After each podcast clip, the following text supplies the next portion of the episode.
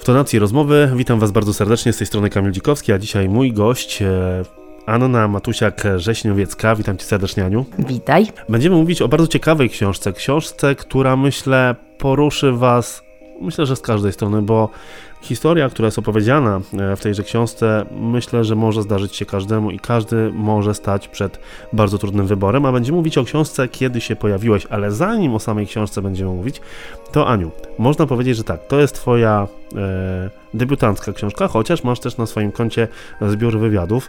E, powiedz mi, co skłoniło Cię do tego, żeby jednak napisać książkę, bo e, tak jak rozmawiałem z Alkiem Rogozińskim, Ty także masz bardzo bogate doświadczenie mediowe, bo i radio, i telewizja, a tutaj nagle książka. Y, faktycznie, wiesz, ja też używam tego sformułowania, że to jest moja debiutancka książka, chociaż y, wcześniej napisałam dwie z y, tak zwanego obszaru literatury faktu, molestowane i skazane, więc też hardkorowe tematy, ale ponieważ całe życie jestem dziennikarką, uprawiałam ten zawód, mówię uprawiałam, bo sobie zrobiłam właśnie chwilowy skok na drugą stronę, czyli do PR-u, to, no to tamte dwie książki jednak traktuję jako kontynuację pracy zawodowej stricte dziennikarskiej, a ta jest już jakąś tam działalnością w kierunku bycia może kiedyś pisarką, o czym y, bardzo marzę. Zawsze chciałam napisać powieść obyczajową, bo chciałam zobaczyć, czy w ogóle umiem pisać. Wiem, że umiem pisać, jestem polonistką z wykształcenia, kocham pisać i zawsze pisałam wtedy, kiedy, y, kiedy było mi smutno albo kiedy było wesoło, no jakby y, terapeutyczne to było dla mnie zawsze bardzo. Natomiast no, co innego jest lubić i napisać jakieś dobre opowiadania, co innego napisać całą książkę, która, w której dobrze zbuduje się napięcie, w której dobrze skonstruuje się postaci i, i tak dalej, i tak dalej. I ten moment y, we mnie dojrzewał, dojrzewał, a ponieważ spotkało mnie y, no, w życiu coś trudnego y, i musiałam sobie, związanego z macierzyństwem, jak wspomniałeś na samym początku, to okazało się, że w którymś momencie właśnie potrzebowałam gdzieś zakończyć ten etap swojego życia. Mój synek ma 4 latka. Książką, która to nie traktuje wprost o, o, o, naszej rzeczywistości i nie jest o naszej historii. Jest to zupełnie zmyślona fabuła, zupełnie zmyśleni, zmyśleni bohaterowie, natomiast emocjonalnie bardzo wiele tam z mojego prawdziwego życia. Y, y, sporo dialogów, które gdzieś leżąc z moim synkiem w szpitalu w Centrum Zdrowia Dziecka usłyszałam. Oczywiście wplotłam w usta i w zupełnie innych bohaterów, w zupełnie inne konteksty, ale, ale gdzieś zostały we mnie na tyle silnie emocjonalnie, że, że, mm, że znalazłam im ich ujście po prostu w tej książce. No i no i zobaczymy. Mówi się, że każdy nosi w sobie przynajmniej jedną książkę. E, pytanie, czy kolejna książka będzie na tyle ok, bo ta ma całkiem fajne recenzje, co mnie strasznie cieszy, że będę mogła pójść dalej e, w tym kierunku, bo, no, bo ja tak myślę, że w przypadku muzyków, w przypadku e, osób piszących, druga płyta, druga książka, drugie dzieło jest tak naprawdę egzaminem. Nie powiedziałaś także o pozytywnych opiniach. Ja też miałam okazję je przeczytać i bardzo mnie to cieszy, ponieważ e, też miałam okazję tą książkę e, przeczytać. Też jestem rodzicem, jak wiesz. To się inaczej czyta, nie? Jak tak, się jest ojcem. Dokładnie, tak, dokładnie inaczej.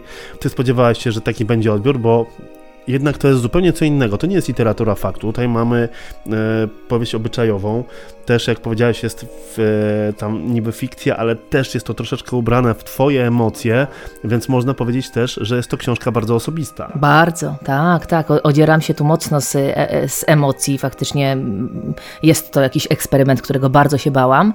Mm, kompletnie się nie spodziewałam i to jest jakby zupełnie bez cienia kokieterii. Pamiętam, że kiedy przyszłam do wydawnictwa Skarpa Warszawska przedstawić im ten projekt, zapytać, czy E, znaczy będą zainteresowani, żeby się w ogóle z nim zapoznać ewentualnie jak się im spodoba, to potem wydać, to powiedziałam zupełnie szczerze do, do prezesa e, wydawnictwa, że ja nie mam pojęcia, znaczy, że jakby ta książka jest albo bardzo dobra, albo fatalna. Nie wiem, bo nie umiem złapać do niej dystansu. Nie mam pojęcia, jaka ona jest.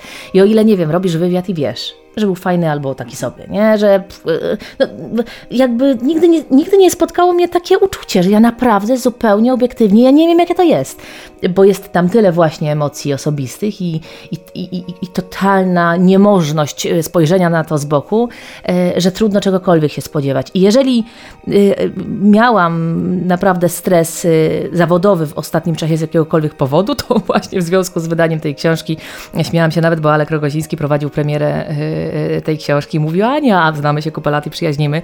I da, ja cię dawno nie widziałem tak zestresowanej, ponieważ całe życie pracuję w, nie wiem, w telewizji, w radiu, więc wystąpienia publiczne nie są jakieś strasznie stresujące dla mnie. A ja byłam zielona. Ja mówię, Jezu, ja po prostu nie wiedziałem, że ty możesz się tak stresować. Ja mówię, strasznie. Stra po pierwsze, czy ci ludzie przyjdą? Po drugie, czy w ogóle to tam ktoś przeczytał, nie? Czy to się komuś podobało? No a potem te recenzje z drżącym e, sercem, więc jak czytałam, a nawet się okazało, że kilka blogerek teraz w związku z e, przełomem roku robiło to takie podsumowanie roczne e, najfajniejszych ich zdaniem książek i u kilku gdzieś tam się pojawiła nawet na pierwszym miejscu albo w pierwszej dziesiątce. U Magdy Mołek też. Tak, ale tam były molestowane. Ale ja w ogóle to wypatrzyłam to przy okazji jakiegoś wywiadu i szybko tam zrobiłam zdjęcie, stop klatkę w telewizji faktycznie. E, no ale, no ale tak, to jest strasznie miłe, bo ale wiesz, co jest jeszcze bardziej miłe? No to jest oczywiście miłe tak, tak egoistycznie, ta ego, wiadomo. Ale to, co jest naprawdę miłe, to to, że piszą do mnie matki, które są w jakiejś podobnej sytuacji i dziękują, że ta książka daje im nadzieję. I to był tak naprawdę dla mnie najważniejszy cel, bo pamiętam, że mówiłam, że jeżeli ta książka nikomu się nie spodoba, nikt nie chce jej wydać, to ja ją wydam sobie sama, nie wiem, w 50 egzemplarzach i zostawię w Centrum Zdrowia Dziecka tylko po to, żeby można było dać takiej matce, która tam jest w jednej wielkiej niewiadomej i, i cierpi i modli się y, o, o życie dziecka, bo tam są dramaty straszne i tak wygląda piekło. Zawsze będę to powtarzać, że będąc tam zrozumiałam, aha, tak wygląda piekło. E, żeby sobie przeczytała, bo pamiętam jak bardzo każdy, każda z nas łapała się brzytwy, żeby tylko usłyszeć, że czekaj, czekaj, mi też mówili, że będzie źle, a jest dobrze. Jezu, co ty mówisz tak, a co miało twoje dziecko? Wiesz, jakby wszystko, co mogło być, dawać cień nadziei, spojrzenie, nie wiem, księdza, który mówił, będzie dobrze, to już chciałeś wyczytać tam znak, chciałeś zobaczyć, że może on coś czuje, matko, to jest jakiś znak, to jest jakiś symbol, to jest jakiś symptom. I piszą do mnie mamy, babcie, i nawet ostatnio taka cudowna e, babcia, dokładnie w bardzo podobnej sytuacji dziecka, które jest też po czwartym stopniu wylewu, mówi, e, znaczy napisała mi w mailu Pani Aniu, tak sobie myślę, że może to też znak, że ta książka trafiła w nasze ręce zupełnie przez przypadek, e, że może nam los mówi, że nasz chłopczyk też ma 7 miesięcy, że jakby po, widzę Kubusia w tej książce, a de facto pani Maksia, który jest zupełnie zdrowym chłopcem i że może los pokazuje nam, że, że taki będzie też wasz chłopiec za trzy lata, że to jest jakiś znak może. I uśmiecham się wtedy, mówię tak, na bank to jest jakiś znak. Znaczy naprawdę gorąco w to, w to wierzę, bo, e, no bo strasznie górnolotnie to zabrzmi, ale ja naprawdę uważam, że doszło do cudu i że jakby do tego cudu da się doprowadzić bezwzględną wiarą taką wiarą w to, że do niego dojdzie, że będzie dobrze, że jakby jeszcze nie jest wszystko przesądzone, nie? że jest masakrycznie brzmiąca diagnoza, która po prostu powoduje, że świat ci się wali i, i, i, dosłownie, nie tylko w przenośnim, wydaje ci się, że spada na ciebie sufit, bo takie miałam poczucie, że uciekajmy, spada sufit. Nie widzicie, że spada sufit? Pamiętam ten moment, kiedy usłyszałam, że dramat, w ogóle koniec świata będzie z dzieckiem że to wszystko jeszcze się może odwrócić, bo na szczęście medycyna zna przypadki, które kompletnie się jej jakby sprzeciwstawiają, nie? Więc no, nie wolno tracić tej nadziei. Do końca świata nie wolno jej tracić. Oczywiście łatwo mi mówić, bo się udało. Pewnie, pewnie ktoś, kto słucha i, i ma trudne życie od rehabilitacji do rehabilitacji z dzieckiem, które tej rehabilitacji wymaga, może powiedzieć, a kochana, ja też wierzyłam i co? I ja w ogóle nie mam odwagi absolutnie dyskutować z taką osobą, bo, bo mam w sobie bardzo dużo pokory i, i, i w życiu nie powiedziałabym, no wiesz dalej, będzie dobrze, no bo to, napra to naprawdę, kto nie przeżył, to nie wie o czym mówi. Natomiast jeżeli ktoś jest jeszcze w takiej sytuacji, że jest nadzieja, to niech jej nie traci, bo, bo ta siła gdzieś w energii, moim zdaniem, może zadziałać. Już abstrahując od religii, wiary, Boga, bo ja wierzę, że może dojść do cudu nawet jeżeli nie wierzysz w Boga. Dla mnie to są trochę dwie różne sprawy, nie? Żeby było jasne. Mm, bo chodzi o jakieś dobro, o jakąś energię, o jakąś wolę. Czy to tego, którego nazwiesz Bogiem, czy, czy, tego, czy siłą wyższą, czy absolutem, czy nie wiem. Myślę, że to wielka odwaga, żeby też zmierzyć się z przeciwnościami, które też są przedstawione właśnie w książce, ale myślę, że tak jak powiedziałem na samym początku, to jest też tak, że każdego z nas może spotkać taka sytuacja. Ja akurat miałem dobrą sytuację tutaj też e, myślę, że nie miałem takiej sytuacji, żeby cokolwiek działo się złego, chociaż Ala e, no, miała problem na początku z zastawką, ale wszystko się zrobiło tak jak potrzeba u, u, u dziecka, ale też myślę, że też jest sporo osób, które gdzieś jak zobaczą problem, to tego problemu starają się pozbyć. Ja też e, robiłem, jak wiesz, też jestem dziennikarzem i też rozmawiam z różnymi ludźmi i też była sytuacja, że ludzie tacy też odda oddają dzieci, gdzieś pozbywają się tego problemu. Ja szczerze nie, nie, nie mógłbym, mnie to po prostu by rozdarło na pół. Wiesz, ale faktycznie, no, bo, bo, bo, tu jest też taka sytuacja, nie chcemy spoilerować, więc nie powiemy za zbyt wiele, ale faktycznie w przypadku jednych z bohaterów tej mojej książki gdzieś tam taki wątek się e, pojawia i naprawdę włożyłam wielki trud w to, żeby nie wykazać się żadną oceną, żeby ich nie potępić, choć oczywiście, oczywiście pierwsze co robisz, to sobie myślisz, Boże, kim trzeba być, nie? żeby zostawić własne dziecko. Ale ja widziałam, leżąc w Centrum Zdrowia Dziecka, naprawdę sporo przypadków porzuconych. Nie sądziłam, że to jest tak częste. Myślałam, że to się zdarza, wiesz, raz na pięć lat, gdzieś może. No nie, ja tam leżałam dwa miesiące i widziałam ze czterech takich maluchów, nie? No to jest moim, na jednym moim oddziale, więc to jest moim zdaniem bardzo dużo. E, i pamiętam też dziewczynę, która, która była, czuwała, leżała, wyszła na przepustkę i już nigdy nie wróciła.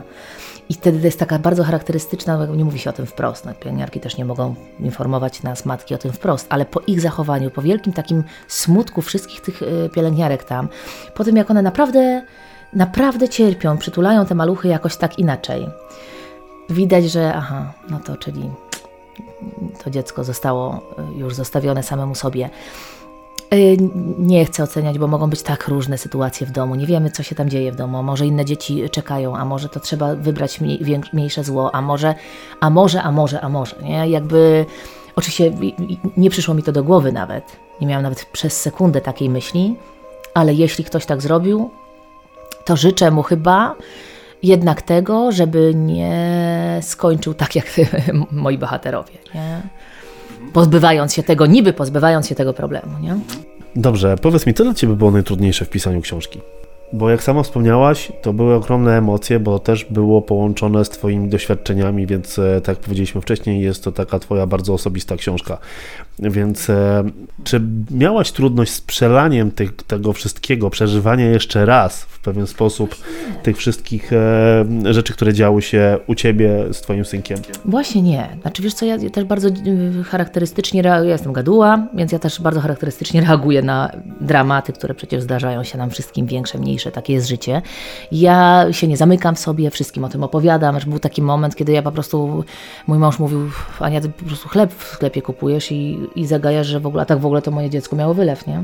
E, tak bardzo potrzebowałam to z siebie y, wylać, ale też z drugiej strony bardzo chciałam o tym opowiedzieć, bo ludzie reagują bardzo różnie. No jednych to mm, sparaliżuje i wtedy czułam się fatalnie, że kogoś postawiłam w takiej sytuacji, a ktoś drugi powie, wie pani, a ja mam w rodzinie bardzo podobną sytuację, niech pani idzie do lekarza, bo ten lekarz to w ogóle im... Te i dowiadujesz się dzięki temu naprawdę o rzeczach, które mogą Ci pomóc. Zresztą tak trafiłam też do cudownego naszego lekarza, który dał nam wielką nadzieję, jak się okazało, dzięki Bogu się nie pomylił. Mm, tak, trafiłam na rehabilitantkę cudowną, której pewnie bym nie znalazła, a, a, absolutnie myślę, że połączyło nas y, emocjonalnie coś, coś bardzo silnego. Mm, y, y, I ale jakby napisałam tę książkę już w bardzo specyficznym momencie. Znaczy, faktycznie w takim momencie, kiedy Pisanie jej trochę było dla mnie jakby pisaniem uzupełnienie mojej historii.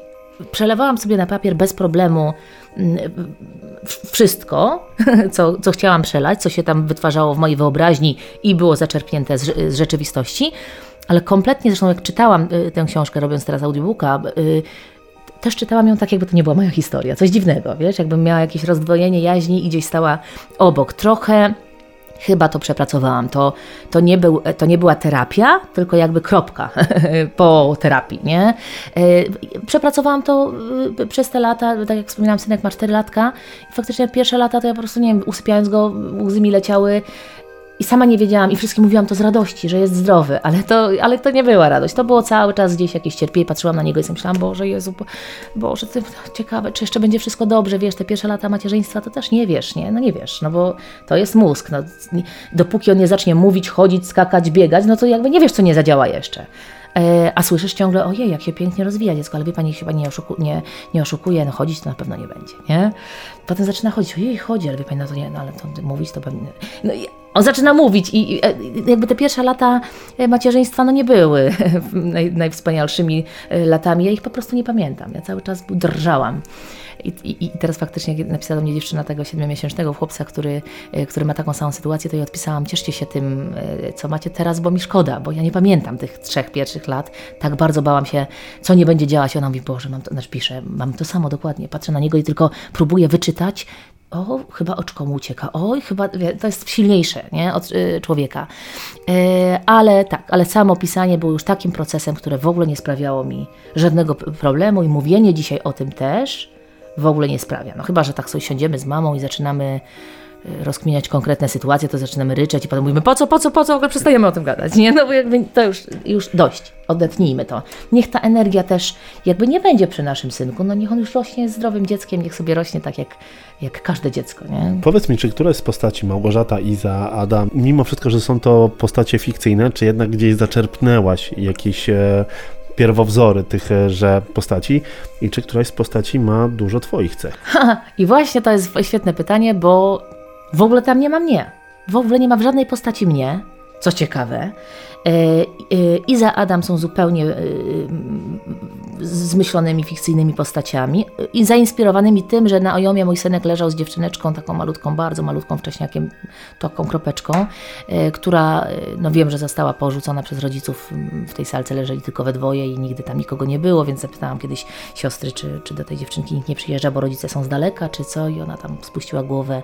Powiedziałam, rozumiem, po prostu nikt tu już nie przyjedzie. Mm -mm. E, nie wiem, co z tą dziewczynką, ale pamiętam, że wtedy no, to było dla mnie wstrząsające, więc wyobraziłam sobie tych rodziców może to byli tacy, jak i zajadam. Y, ale Małgorzata to jest absolutnie pani Ania. Jej nawet mówiłam pani Ani o tym wprost.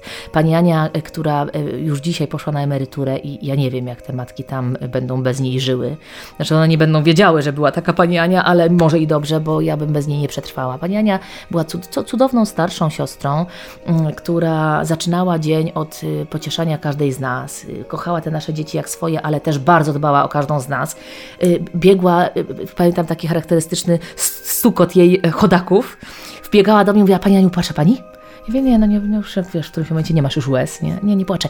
No, bo ja tak sobie przyszłam ci do pracy i pomyślałam, wróciłam wczoraj do domu i mówię, o matko, muszę pani Ani opowiedzieć jutro, jak będę, o takiej parze, co to 30 lat temu tu byli i to dziecko też nie, w ogóle nie dawali mu szans. A to dziecko, proszę panią, ma dzisiaj 30 lat, zdrowy chłop, mężczyzna, jak ta lala. I ona mi zawsze o jakimś cudzie opowiadała. I jak, jak, jak była zajęta czasami, to mówiłam, pani Aniu, wpadnie pani z jakimś cudem? A ona mówiła, pani Janeczko, tak, tak, obrobię się tylko i ja mam świeży cud dla pani. I jak wychodziłam, to pamiętam, powiedziała mi, że, że pani Aniu, napiszemy kiedyś Księgę Cudów. Znaczy spróbujemy może odnaleźć tych rodziców, bo ona była tak cudowna, że z bardzo wieloma rodzicami z całej swojej kariery wieloletniej ma kontakt. Um, Jestem jej strasznie wdzięczna. Uważam, że to anioł, yy, yy, który, który gdzieś tam stanął na mojej drodze pewnie z różnych względów. Może też po to, żeby napisać tę książkę, yy, oddać jej trochę cześć i hołd i, i, i, podziękować za to, jakim jest człowiekiem, bo to niebywałe. No i może komuś dać przez to też nadzieję, bo może pani Ania już tam nie będzie pracowała, ale książka o pani Ani spowoduje, że ktoś uwierzy i, i będzie miał siłę, żeby walczyć o to dziecko, a jednak w procesie zdrowienia wiara rodziców, zwłaszcza tej matki, która tam siedzi, no, przy dziecku, nie oszukujmy się, ale wcale nie, nie umniejszam roli ojców, żeby było jasne, bo, bo cierpią równie mocno, a może nawet y, nie mają wcale lepszej sytuacji, będąc daleko od tego dziecka, nie? I żony czy partnerki. E, naprawdę w procesie zdrowienia ta wiara jest bardzo, bardzo istotna. Także Małgosia jest panią Anią.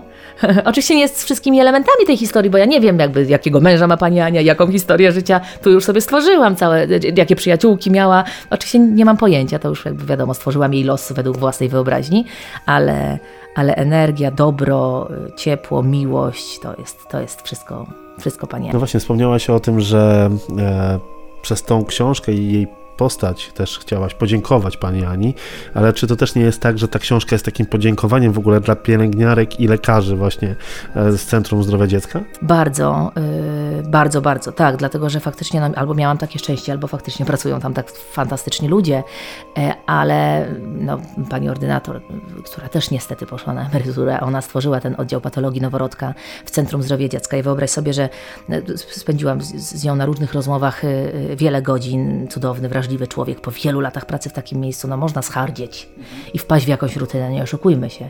A ona wciąż potrafiła zapłakać i to naprawdę zapłakać nad losem kolejnego e, dziecka, które traktowała nie jako kolejny przypadek, tylko jako kolejny po prostu człowiek, który ma swoją historię, który ma cierpiących rodziców i do którego trzeba podejść absolutnie empatycznie i to niesamowite zupełnie.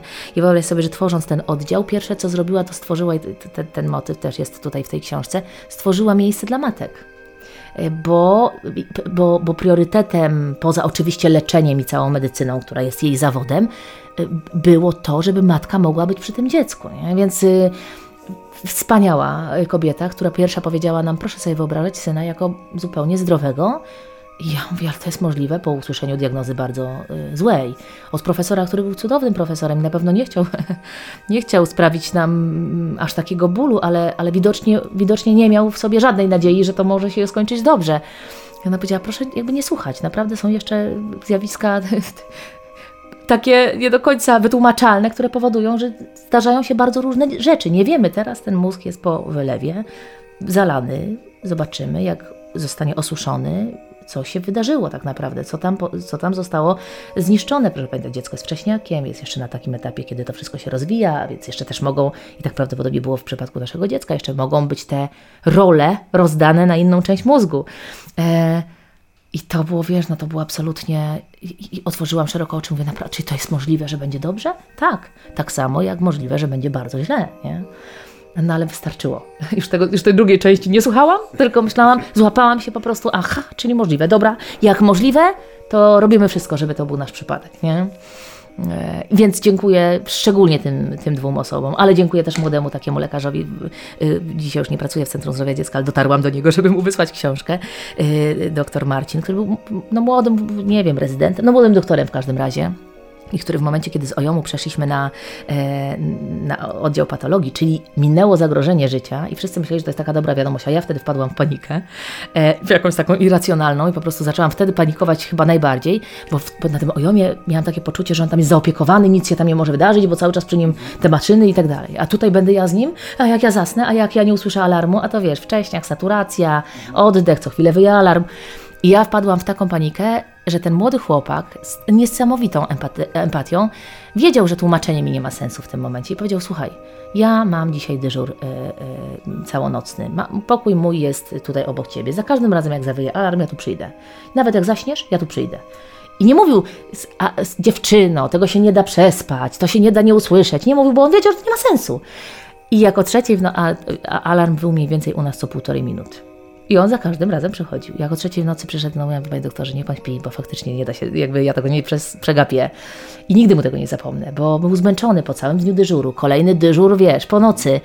I jakby to było ważniejsze niż jego zmęczenie. No kurczę, to są takie gesty, które, które, których nie zapomnę i który, za które należą się ogromne podziękowania. No. Ja wiem, że lekarze mają ciężką pracę i spotykają się na co dzień z, ba z bardzo różnymi e, przypadkami. Gorszymi, e, lżejszymi, ale mam wrażenie, na przykład ja po tym jak e, Ala była mała i jak przychodziłem na przykład do pielęgniarek i tak dalej, to wiesz co mnie najbardziej denerwowało? Ta znieczulica, ta brak empatii. I widzisz, ty akurat masz to, e, to szczęście, że trafiłaś właśnie na osoby, które tą empatią dzieliły się z tobą, z dziećmi, ale no jeżeli ja mam takie, to jest moje zdanie teraz. Jeżeli jest kobieta, która przyjeżdża na poród, jeżeli ten poród nawet jest wszystko w porządku, wszystko się dzieje ok, e, to jednak też mimo wszystko powinny je troszeczkę inaczej po, potraktować. Tak, tak mi się wydaje, ja na to patrzę z boku, jako ojciec. I właśnie to mnie najbardziej przeraża, jeżeli chodzi o polską służbę zdrowia. Nie mówię, że wszyscy, żeby nie było, no nie, ale zdarzają, zdarzają się właśnie o, e, osobniki, e, które są pozbawione w ogóle jakiejkolwiek empatii. Tak, ja, znaczy ja myślę, że to w ogóle, wiesz, powinien być taki przedmiot na medycynie osobny, empatia, nie? Bo jeżeli ktoś jest jej pozbawiony, to może się nauczy. E, absolutnie, naprawdę uważam, że to jest równie ważne jak ta wiedza. Zresztą pani Ardonator też tak mówiła, że jest w stanie zwolnić bardzo dobrego fachowca, lekarza, jeśli widzi, że on nie ma dobrego podejścia do rodziców. I to jest no, niesamowite, bo wiem, że faktycznie tak było. E, że to było dla niej na równi ważne jak jego umiejętności. E, I masz rację, no niestety, ja oczywiście nie mówię o tych y, przypadkach, y, y, które niestety też nas gdzieś spotkały, na przykład w szpitalu, w którym rodziłam i w którym tam doszło do tego wylewu w trzeciej dobie życia. No a wiadomo, w takich miejscach jak Centrum Zdrowia Dziecka, oni potrafią się zachować, bo tam są tak trudne przypadki, że jakby wiedzą, co robić no ale generalnie jest to tak rzadko się zdarza coś takiego, że no w, zwykłym szpitalu nie bardzo wiedzą, co to jest. Gdzieś tam może czytali na studiach w podręczniku, no ale nie, nie bardzo znają takie przypadki. I zamiast chować, nie wiem, to się nam wydarzyło akurat w Sylwestra, więc rozumiesz, drugi garnitur lekarzy, no masakra, no jakby najgorszy moment chyba, jaki może się zdarzyć. On faktycznie urodził się w 32 tygodniu ciąży, nagle nie wiadomo dlaczego tak, tak wczesny wcześniak przy bardzo dobrze, e, dobrej ciąży bez zarzutu. E, I nagle wiesz, zamiast schować jakoś tam, nie wiem, ten, tą dumę do kieszeni, powiedzieć, proszę Państwa, jakby no nie mamy tu, nie wiem, rezonansu, nie jesteśmy w stanie kontrolować, nie, a to jest neurologiczna sprawa, a my nie mamy odpowiednich narzędzi, nie wiem, są takie narzędzia w Centrum Zdrowia Dziecka, bo dzisiaj wszystko wiem na ten temat, ale ja wtedy nie wiedziałam w ogóle, co oni do mnie mówią i nie wiedziałam, że nie mają pewnych rzeczy. To, to, to, to wiesz, to żeby, nie wiem, własne ego utrzymywać y, na odpowiednim poziomie, nie mówili nic, tylko, y, tylko, tylko dziwili się, y, że my chcemy działać na własną rękę. W którymś momencie, jak się zorientowaliśmy, że tu właściwie to przyjdzie pan za tydzień z własnym USG z zewnątrz i sprawdzić, co się wydarzyło dalej. Ja mówię, przepraszam, ale to ja byłam w szoku, oczywiście, no wiadomo, jak to rodzic. Mówię, ale to my będziemy przez ten tydzień co, wróżyć z fusów? Znaczy, nie jesteśmy w stanie wtedy zobaczyć przez ten tydzień. A w przypadku takiego wylewu się dolewa. I to jest bardzo ważne, żeby na przykład w odpowiednim momencie zrobić operację zastawki e, w mózgu, żeby nie doszło do wodogłowia, rozumiesz? Żeby, no bo jak się dolewa, to wyłącza, e, mówiąc bardzo obrazowo i tak dla laików, pewną część mózgu, a płyn się tworzy, ten mózgowo-rdzeniowy cały czas w takiej samej intensywności i robi się go za dużo i dochodzi do wodogłowia. I to już jest za późno, jak to się stanie. Więc w Centrum Zdrowia Dziecka nam co 15 kurde minut, no dobrze, przesadzam może, no ale ze 4 razy dziennie i w ciągu nocy robili USG i sprawdzali cały czas, czy to jest taki sam cały czas poziom, czy się czasem nie dolewa. A tu pani chciała, rozumiesz, czekać przez tydzień, tylko dlatego, że no, nie wiem, nie chciała się przyznać, że nie, nie ma tego sprzętu. Przecież to nie chodziło o jej umiejętności. E, I kiedy się zorientowaliśmy, że tak jest, i mówimy, wie pani, no ale to jakby Matko Święta, no my zacznijmy działać, no trochę znamy ludzi, no jakby telefon, no wiadomo, ludzie sobie pomagają w takiej sytuacji. Przewieźmy go tam, gdzie, gdzie, gdzie ktoś to będzie mógł kontrolować. To napisała, robią to Państwo na własne życzenie, własną odpowiedzialność. Ja nie gwarantuję, że dziecko w drodze e, do szpitala e, nie umrze. No słabe, nie? No słabe, bo ja wtedy po prostu zostałam w takim, takim Jezus Maria, to może lepiej, nie, Jezus, jak ma umrzeć, to może lepiej poczekajmy tu ten tydzień. A to nie było tak, że, że tam było wielkie ryzyko, że on umrze w drodze do szpitala. Nie, tam były po prostu jakieś osobiste względy i to jest tak słabe, tak słabe, że, że ręce opadają, aby jak najmniej takich lekarzy. I dziękuję, że, że jednak w mojej pamięci zostały takie osoby jak tam w Centrum Zdrowia Dziecka, bo bo to odzyskujesz wiarę w człowieka i w cały ten zawód, nie? Jaki, jaki niełatwy, jaki uprawiają e, lekarze, zwłaszcza w takich miejscach, gdzie po prostu ratuje się bardzo ciężkie przypadki. No i codziennie jesteś też świadkiem zgonów takiego, takich maluchów, które jeszcze nie zdążyły zobaczyć świata i myślisz sobie, kurde, o co chodzi, nie? Znaczy po prostu w ogóle, Jezu, dlaczego te dzieci? No, trudne doświadczenie. Powiem Ci, że te obrazy, jakby już nawet abstrahując od mojego synka, ale te obrazy, kiedy zaprzyjaźniasz się z dziewczyną jakąś, no bo łączy Was ból i siedzicie sobie z tymi laktatorami w tej kuchni, wiesz, w, tych, w tym połogu, w tej masakrze e, i, na, i, i, nawet się śmiejecie, bo w którymś momencie się śmiejesz, wiesz, kawały sobie opowiadasz, opowi nie wiem, kiecki oglądasz, no jakby musisz odreagować, a na drugi dzień widzisz, jak ta dziewczyna skulona w kąciku, bo właśnie umarło jej dziecko. Kuh no to, to ja nie, nie zapomnę tych obrazów do końca życia i po prostu zrobiłam wszystko, żeby te obrazy miały jakiś sens. No, żeby może w takim razie, nie wiem, nie umiem albo nie jestem jeszcze na tym etapie, żeby założyć jakąś fundację, która mogłaby uratować, e, a może to przede mną, a może to się kiedyś zdarzy. Na tym etapie umiem pisać, więc po prostu napisałam coś, co może się komuś przyda, nie? E, a jeśli się nie przyda, to chociaż podziękuję tym, tym osobom, które sprawiły tyle dobrego i, i robią to na co dzień. Kiedy się pojawiłeś, to nie tylko książka, ale także audiobook, który przeczytałaś. To taki debiut kolejny. Tak, i wielkie moje marzenie, tak, tak. Przeczytałam faktycznie bardzo, mm, bardzo o tym marzyłam. Mm, ponieważ faktycznie pracowałam przez całe życie w radiu, no to jakby wiedziałam, że mogę sobie na to pozwolić, jeśli chodzi o, y, o umiejętności takie stricte lektorskie. No ale przecież znowu, co innego prowadzić audycje i robić wywiady, tak jak my teraz, a co innego przeczytać książkę. Nie, zupełnie nie wiedziałam, czy się do tego nadaje, no jednak trochę warto byłoby mieć jakieś takie, nie wiem, aktorskie mini umiejętności, no jednak lektorami e, i czytającymi audiobooki najczęściej są aktorzy, mm, chociaż nie tylko, ale najczęściej. No i zupełnie zupełnie nie wiedziałam, jak to robić, żeby nie przeaktorzyć, żeby to też nie było takie, wiesz, słabe, no. Bo nie ma nic gorszego niż grający nie aktor, który nie ma, powiedzmy, no są te przypadki cudowne, potwierdzające regułę, które były wyjątkiem, jak Ania Przybylska, która aktorką nie była, a była fantastyczna, ale cała reszta jest jakby lekko drewniana, nie? Więc, więc nie chciałam strasznie, żeby, żeby wyszło z tego coś takiego, no jakaś parodia. E, ale wydaje mi się, że, że, że jest całkiem okej, okay, chociaż trudno się też same, siebie słucha obiektywnie, tak jak trudno mi było ocenić, czy książka jest dobra, czy nie. Ale cieszę się, bardzo się cieszę, że, że mogłam to zrobić i że też y, no może dla kogoś to będzie cenne, że posłucha tej książki mm, jakby no, no właśnie dźwiękiem prawdziwej matki, nie? która jakby nie czyta tylko fikcyjny tekst i nie czyta nawet swój tekst, ale czyta jakby coś więcej, czyta trochę swoją historię, choć, choć fikcyjną. Bardzo brzmi to skomplikowanie, ale myślę, że po tej rozmowie naszej trochę wiadomo o co chodzi. Nie? No dobrze, Aniu. Mamy kiedy się pojawiłeś. Wiem, że pracujesz także nad e, drugą książką, która też już niebawem. Zdradzisz szczegóły? Nie i tak. To znaczy nie powiem zupełnie w jakim środowisku rzecz się będzie działa i o co chodzi, ale bardzo chciałam spróbować po tych hardkorowych wszystkich historiach napisać coś bardzo lekkiego. I muszę Ci powiedzieć, że strasznie ciężko mi się pisze. Znaczy ciężko, łatwo, bo ja kocham pisać, ale ciężko, bo to jest takie nie moje. No jednak wiesz, y, przy pierwszej książce jeździłam do więzienia. Byłam w ciąży zresztą wtedy i spotykałam się w celi z cudownymi dziewczynami, ale umówmy się z takimi paragrafami, że poza tym, że były fantastyczne, to trochę mroziło ci krew w żyłach, jak patrzyłeś, za co siedzą. Nie? E, przy drugiej książce spotykałam się z dziewczynami no, ma masakrycznie skrzywdzonymi w dzieciństwie przez najbliższych swoich, y, najczęściej ojców, wujków, braci straszne emocje. Znaczy, ja bym myślałam, że to więzienie to jakby nic tego nie przebije, ale tutaj emocjonalnie po prostu potworne, e, wymagające potem naprawdę oczyszczenia, ale też chciałam, żeby jakby ta spowiedź miała sens, żeby może pozwoliła komuś wyrzucić to z siebie i zacząć żyć. I faktycznie tak się, tak się stało. Też cudowne, do cudownych historii dochodziło, e, które są opisywane w, w mailach.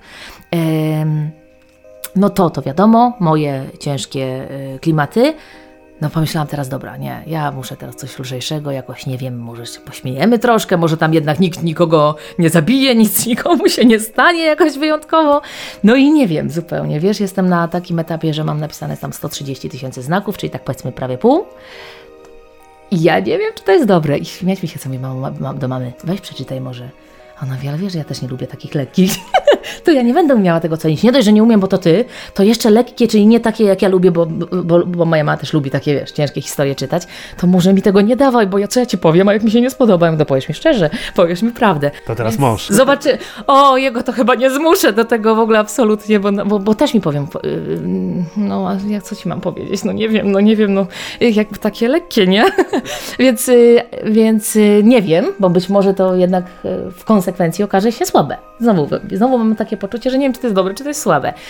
Ale opiera się też na pewnych doświadczeniach, powiem tak najogólniej, z mojego jednego z żyć zawodowych, bo miałam swego czasu agencję ślubną. I tyle. To myślę, że to może być ciekawe. Ja ci chyba dam do przeczytania, wiesz, że ty mi powiesz szczerze, wiesz, co, co myślisz.